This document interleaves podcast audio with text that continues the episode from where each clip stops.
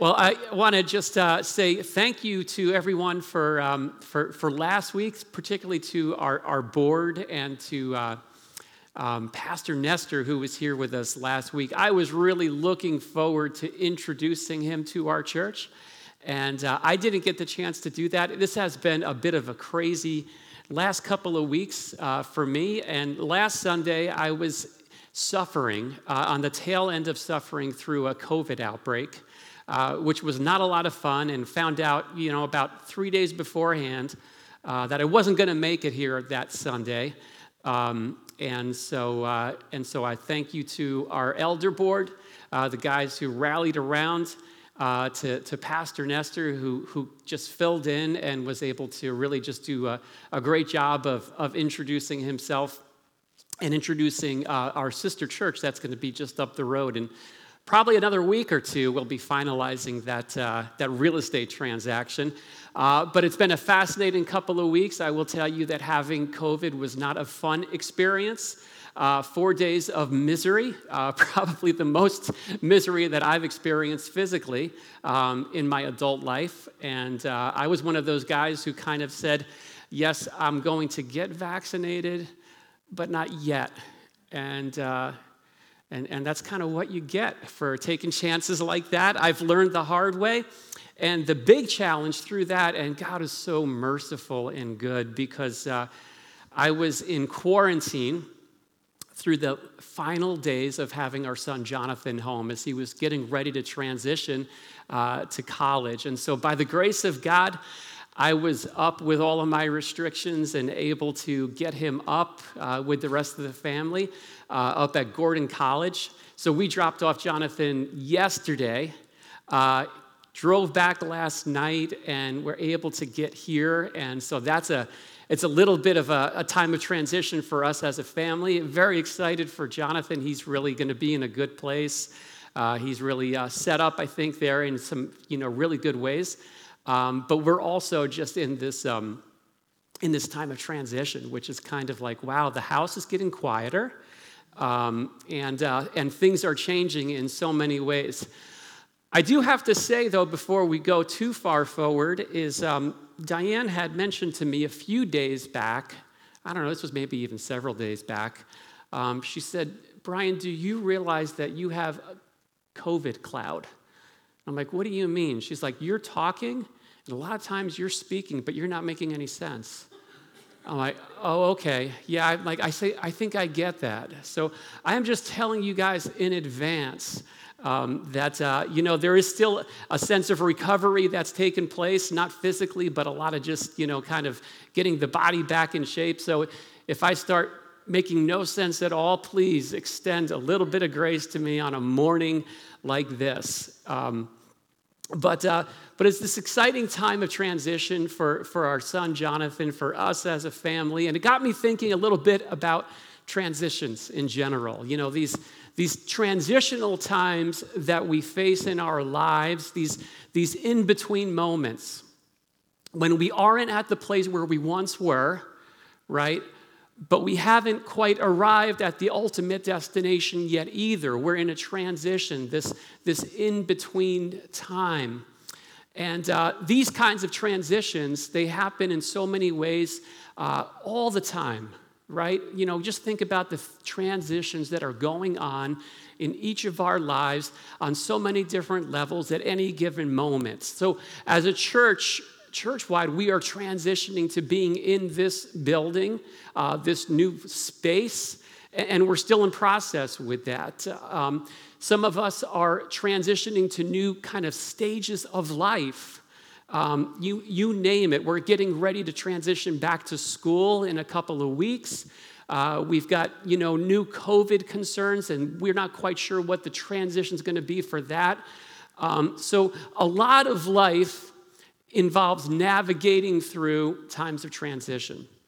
And transitions, I've found, by and large, are times to treasure. They are exciting times because it means that we are moving into new places.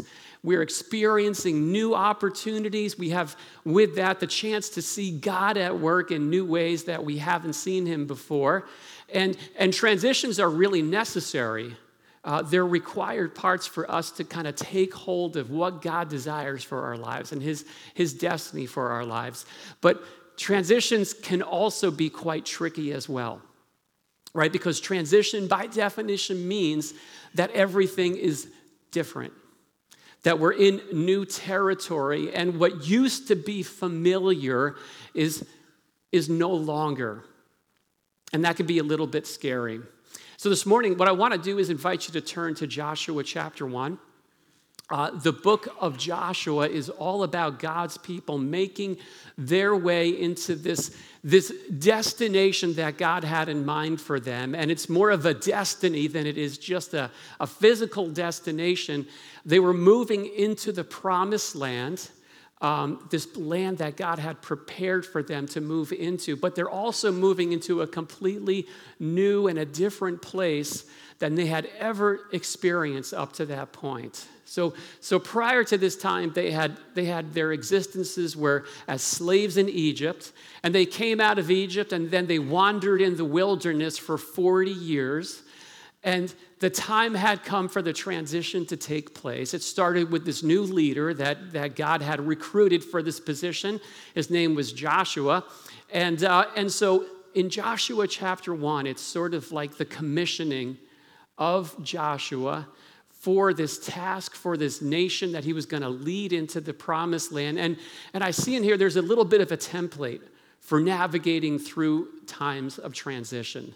So let's see what God said to him, and let's try to learn as we do that uh, what is God saying to us as we navigate through different transitions uh, in our own lives. So, Joshua chapter 1, I'm going to read the whole passage here and then we'll unpack it together. It says this After the death of Moses, the servant of the Lord, the Lord said to Joshua, the son of Nun, Moses' assistant, Moses, my servant, is dead. Now, therefore, arise, go over this Jordan, you and all this people, into the land that I am giving to them, to the people of Israel. Every place that the sole of your foot will tread upon, I have given to you, just as I promised to Moses. From the wilderness and this Lebanon, as far as the great river, the river Euphrates, all the land of the Hittites to the great sea, towards the going down of the sun, shall be your territory. And then, no man shall be able to stand before you all the days of your life, just as I was with Moses, so I will be with you. I will not leave you or forsake you. Be strong and courageous, for you shall cause this people to inherit the land that I swore to their fathers to give them. Only be strong and very courageous, being careful to do according to all the law that Moses, my servant, commanded you. Do not turn from it to the right hand or to the left, that you may have good success wherever you go.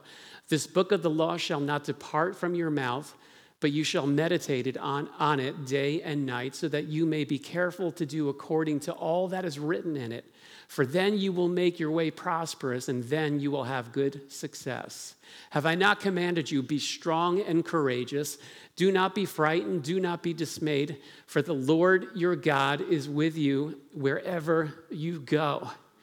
All right, so, so this, is the, um, this is the commission, this is the transition that, uh, that, that the Lord recruits Joshua to lead his people through.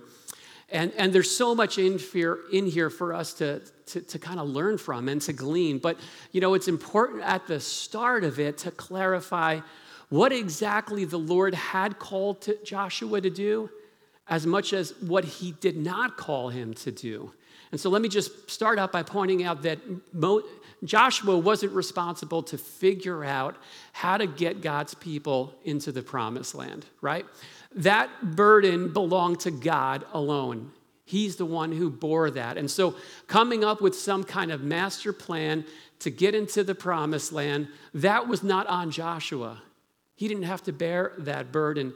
Joshua had one singular mandate and it was to simply start moving. Get up and get going, or arise and go over this Jordan, you and all this people, into the land that I am giving them.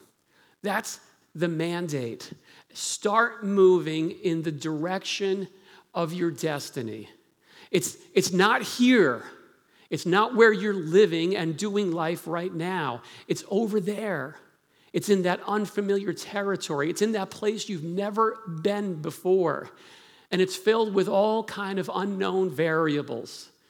There's opposition, there's, there's resistance, there's boundaries, there's walls, you name it. You are bound to face it as you set out on your destiny. All of these things that are beyond your capacity to just deal with on your own. But, but your commission, our commission, is to start moving in the journey of that direction. And here's the thing God's job is to clear the path. God's job is to open the doors.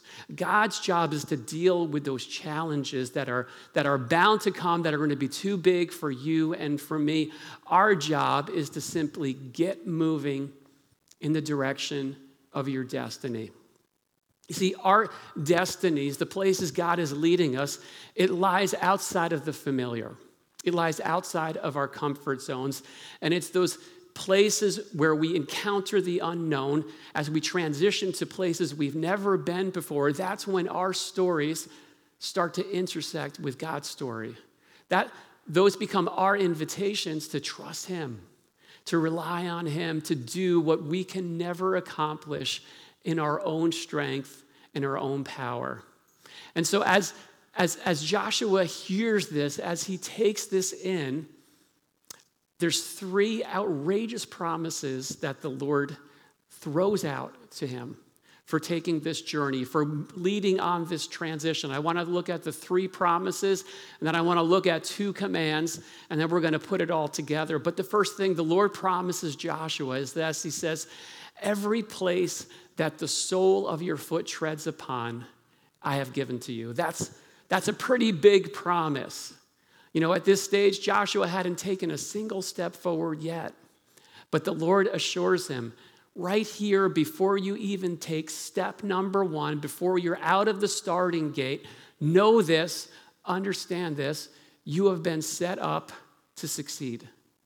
That, that this transition you're going to be taking into the promised land is literally going to be a walk of faith a journey of faith and moving in the direction of God's destiny for your life, for our lives. It's always going to look that way for us as well. It's a walk of faith, it's a journey of trusting God and standing on his promises. And so the Lord tells Joshua, as you go, I'll give, right? You, did you get that? Is, is wherever you, you tread your foot upon, I will give that to you. And it's this theme that runs all throughout this book of Joshua that there's this order to it. Um, truth be told, we would like that order to be reversed, right? We would like it to work the other way around. God, you clear the path, and then I'll take the step forward. But that's not how it works. He says, You go first. You take that step. And as you set out, you are going to discover, you are going to see how I have set you up to succeed. And so there's this sense where, to the degree that we're able to lay hold of our destinies, it's tied to our willingness to take those steps of faith. It's up to us. God has promised to do his part to give it to us, but, but we've got to go after it. There's something to chase after. There's no space for passivity, for sitting back for taking a back seat when it comes to living out God's destinies for our lives. Because if we just choose to sit and wait instead of walking forward in faith, if we refuse to move forward, then we aren't going to take a hold of a whole lot. Not because God doesn't want to give it, but because we're not taking those steps of obedience, those steps of faith. Don't hold back on your journey of faith. We all have a journey of faith that we are on. As children of God, there is something, there is a destiny in mind that God has laid out for us, and He has set you up to succeed in that. Something that is yours for the taking, but you've got to go out and get it. So cover some ground, take some steps, and, and let's go big. right? Let's not just hold back. Let's go big. Don't, don't waste time worrying about the how because God's already said, I'll take care of all that. You just focus on stepping in to these places where God is transitioning to you. That's promise number one. There's a second promise that goes along with that. God promises Joshua, no one is going to be able to stand up against you all of the days of your life. All right, now there's some very good news and there's some very bad news tied up into that one big promise. Let's start with the bad news first. The bad news is that there are going to be some people who are going to try to stand against you all the days of your life, right? That is an assumed reality. Resistance is going to be faced. The opposition is going to come. The good news is not that there won't be opposition. The good news is that the opposition is not going to overcome, right? This resistance that's bound to hit our lives as we set out to pursue God's destinies for our lives throughout these times of transitions, they're not going to be able to stop. They're not going to be able to deter us from the things that God has called us to accomplish. Now, at this stage, I'm sure Joshua had, he probably had no sense of what the opposition looked like, what he was going to encounter. He has no idea what lies ahead. Now, we've, if you've read the book of Joshua, you know there's quite a bit of resistance. Uh, there's two forms of resistance there's foreign opposition as they move into the land. Um, you know, the, the people and the inhabitants there weren't just going to get out on their own. Um, but in addition to that foreign opposition, there was also familiar opposition. This is the task of leadership, of having a group of people you're responsible for moving in a direction that God is leading that group. And not everyone all the time is completely on board with that. And sometimes there's resistance that, that happens from, from those here among us as well as those who are outside. Um, but, but take note that, that God doesn't promise to eliminate the obstacles from your life, all right? Um, the attempts to deter you, the attempts to deter us from laying hold of what God has in mind for us, He does promise they're going to fall flat. He promises they will not succeed and they are not going to be able to stop what God has called us to do. See, God has paved the way. God has stacked the deck, and so long as Joshua focuses on doing what he's been called to do, there is a way in which he is unstoppable. He's unstoppable. He cannot be stopped. He can be resisted, but he cannot be stopped. And I just want you to think about that. What if you knew for absolute sure that you couldn't be stopped? Right? How would that change the way that you go about doing life on a daily basis? How can I think that someone as ordinary as me, people who are as ordinary as us, could ever have that kind of effectiveness in our lives, right? That's, that's the question. Can that promise apply to someone like you or to me? And the answer to that question it's, it's bound up in the third promise. Um, the third promise is the Lord tells Joshua this I'll be with you. I will be with you. He says, I will be with you.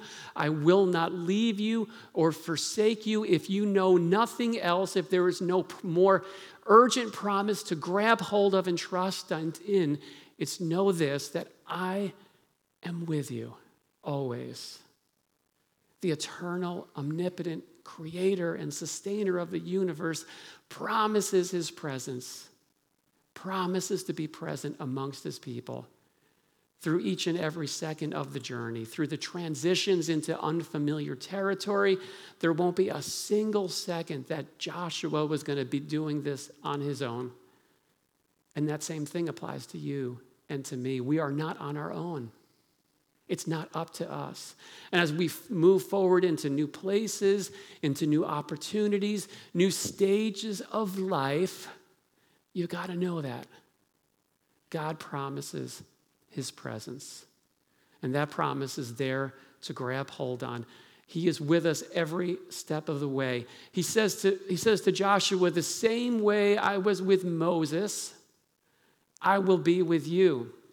There was going to be a change of personnel, right? There was a leadership change, a transition that was taking place amongst the nation of Israel. Joshua had some pretty big shoes that he had to fill, right? Because Moses is like this legend. Moses like did things that no other man that walked the face of the planet had ever done. And the temptation is to be really impressed with those kind of things. To, to kind of get to get obsessed over personalities, to get obsessed over people. But the ultimate issue is not the person, it's the God who's with the person. And that's good news because that means that the personnel can change so long as the God doesn't change. He promised his presence with Moses, and he promised his presence with Joshua.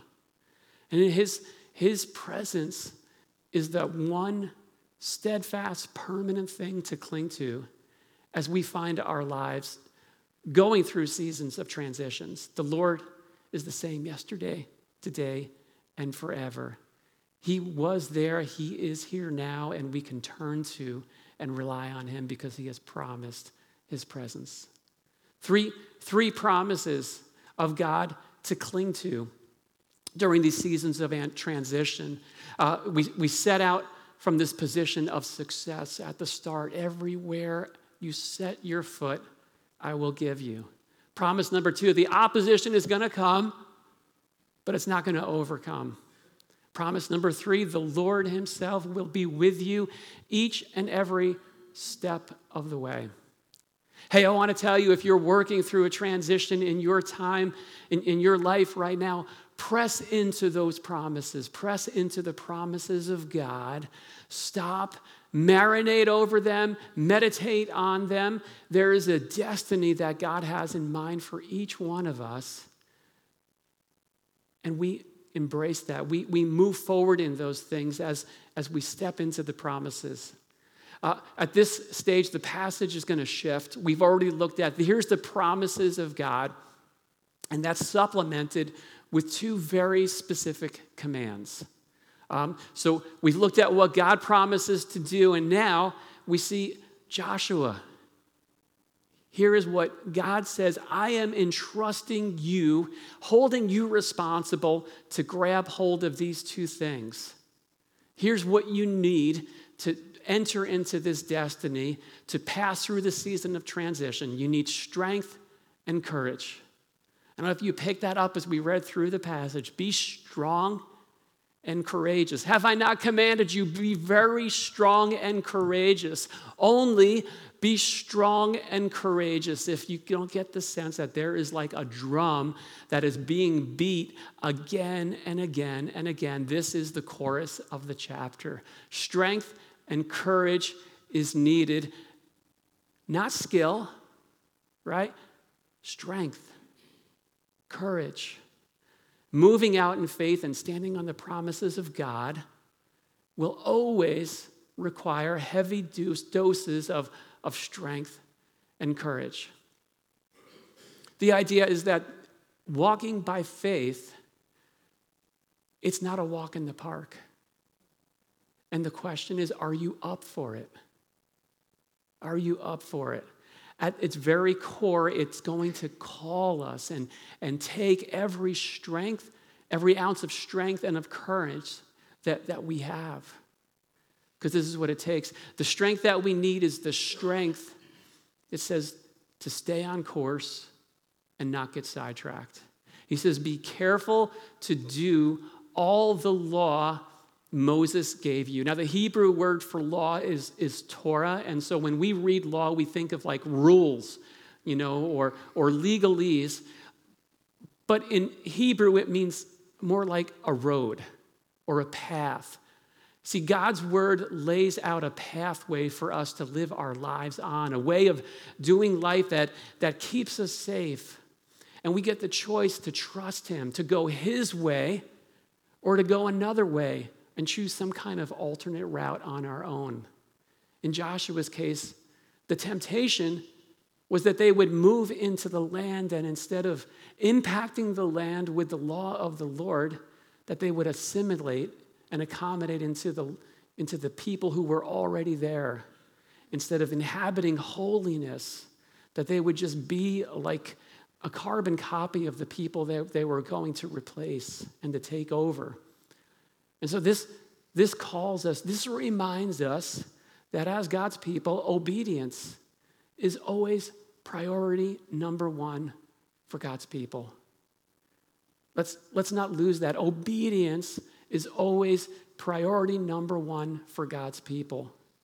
And that's, and that's no more true than during those times when we are going through seasons of transitions.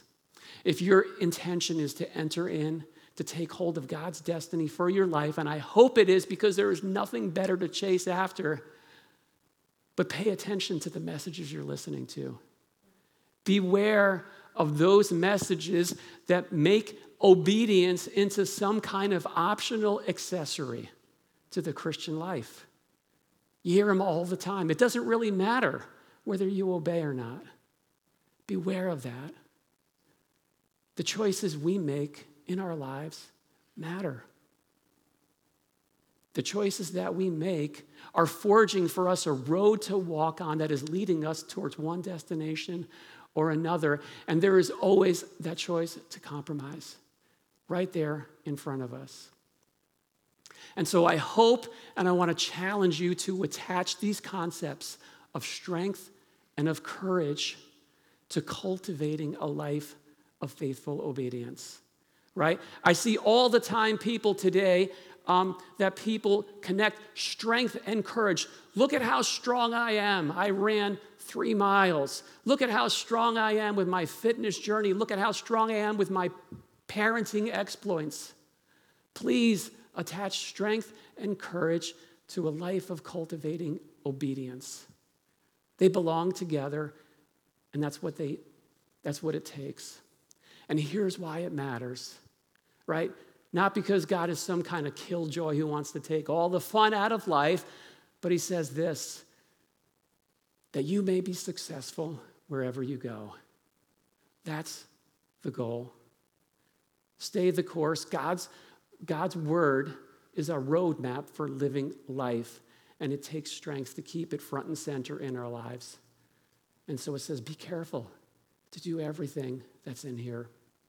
The Lord also tells Joshua that in this pursuit of strength and of courage to be on guard against the shadow sides of strength and courage because if there's not strength and courage there's two attitudes that will take their place terror and discouragement he says, Do not be terrified, number one. And he says, Do not be discouraged, number two. The, the biggest obstacles that we face in our journey to faith, in, in laying hold of God's destiny for our lives, can you imagine?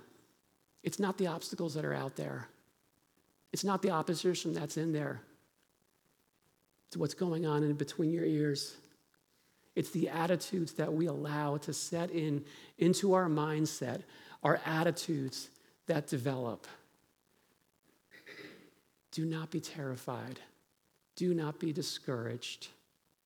Terror seizes our lives and it causes us to live in fear.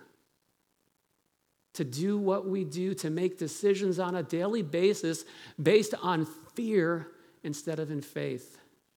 It's what happens when we look at the obstacles that are around us and we define our lives by them instead of by God.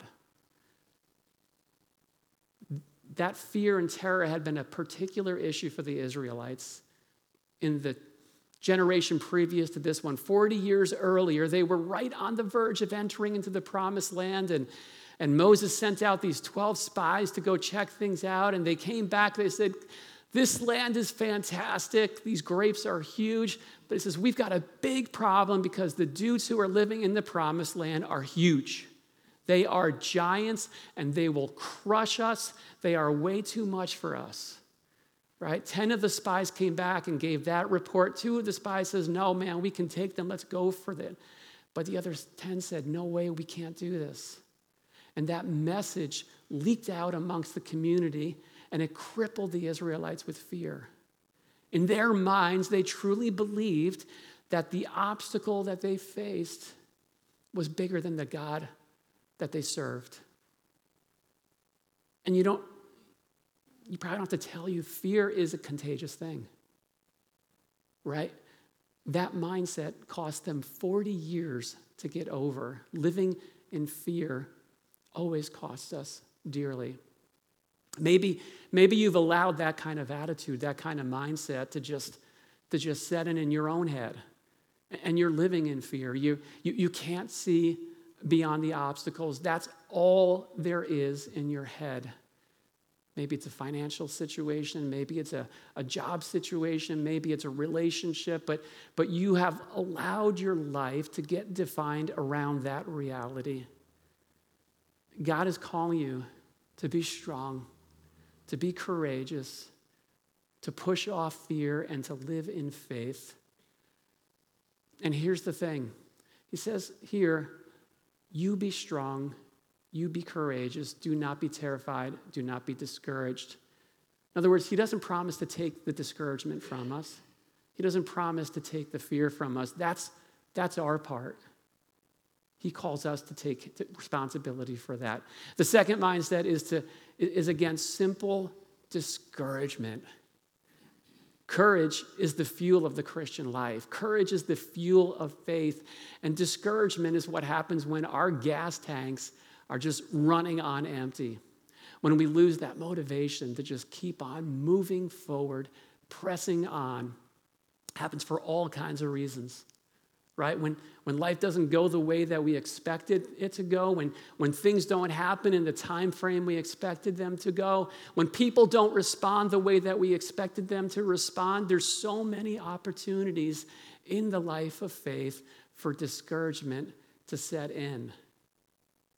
And it's up to us to deal with that. There was this time about a month ago, maybe two months ago, when we were, we were effectively done with this building um, the air conditioning was turned on. We were ready to move in, and yet we couldn't get the CO for, I didn't even know when it was going to be. It was going to be maybe a month, maybe a month and a half. And after a year and a half of doing construction over, over a pandemic, with all of the things that we had to wrestle through, being done and being not able to move in, man, that like, that like hurt that hurt me so bad, and that was so discouraging. And I got to this point where I just had to say, throw the timeline out. Just throw it out because if I keep on attaching my life to a timeline, I am going to be a miserable human being.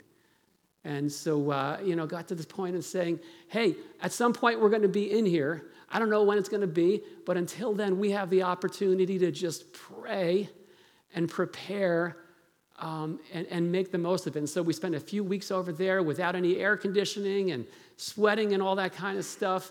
And guess what? Here, here we are. We've been here for what, four or five weeks now? Um, these kind of things happen. But if you don't pay attention to it, if you don't tend to what's going on inside your head, discouragement will set in. God's not going to take it away from you. You deal with that. You deal with the fear you deal with this discouragement. Recognize it, drop it, don't allow it to set in because it is lethal to your faith. Right? God is all about removing all those obstacles on the outside, those inside obstacles. Those are up to us to deal with and to get them out of the way. And so, and so we find the confidence to deal with the discouragement uh, once again, it comes back to the presence of God. He says this again I will never leave you or forsake you. One more echo of the promise of God's presence. The Lord your God will be with you wherever you go. You know, there's something that sounds vaguely familiar about that promise made to Joshua and the Israelite people so many thousands of years ago that sounded a lot like Jesus' last command that he gave before he, before he ascended back into heaven and he laid out this great commission to take the gospel message of grace to the ends of the earth. He said, All authority has been given to me. I am entrusting you with this responsibility to go make disciples into all the world. And he says, And I will be with you always, even to the ends of the earth. See, the situations change. The, the characters throughout the generations have changed. God hasn't changed. His call on our lives hasn't changed and his promises haven't changed. And he has a destiny in mind for you. He has a destiny in mind for me. There is something there that he wants us together to grab hold of, to, to, to, to enter into, to transition into.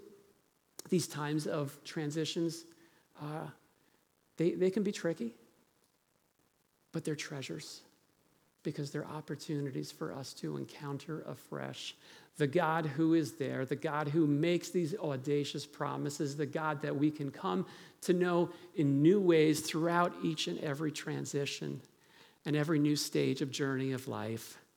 So let's just do that as we enter in to whatever it is uh, that this next month holds for us, whatever it is that this next season uh, of autumn holds for us, whatever it is that these next five years ahead holds for us. There is something there for us to grab onto. Uh, there is fear and discouragement and opposition for us to get out of the way, and there is a God who is there to be encountered. Let's pray together. Lord,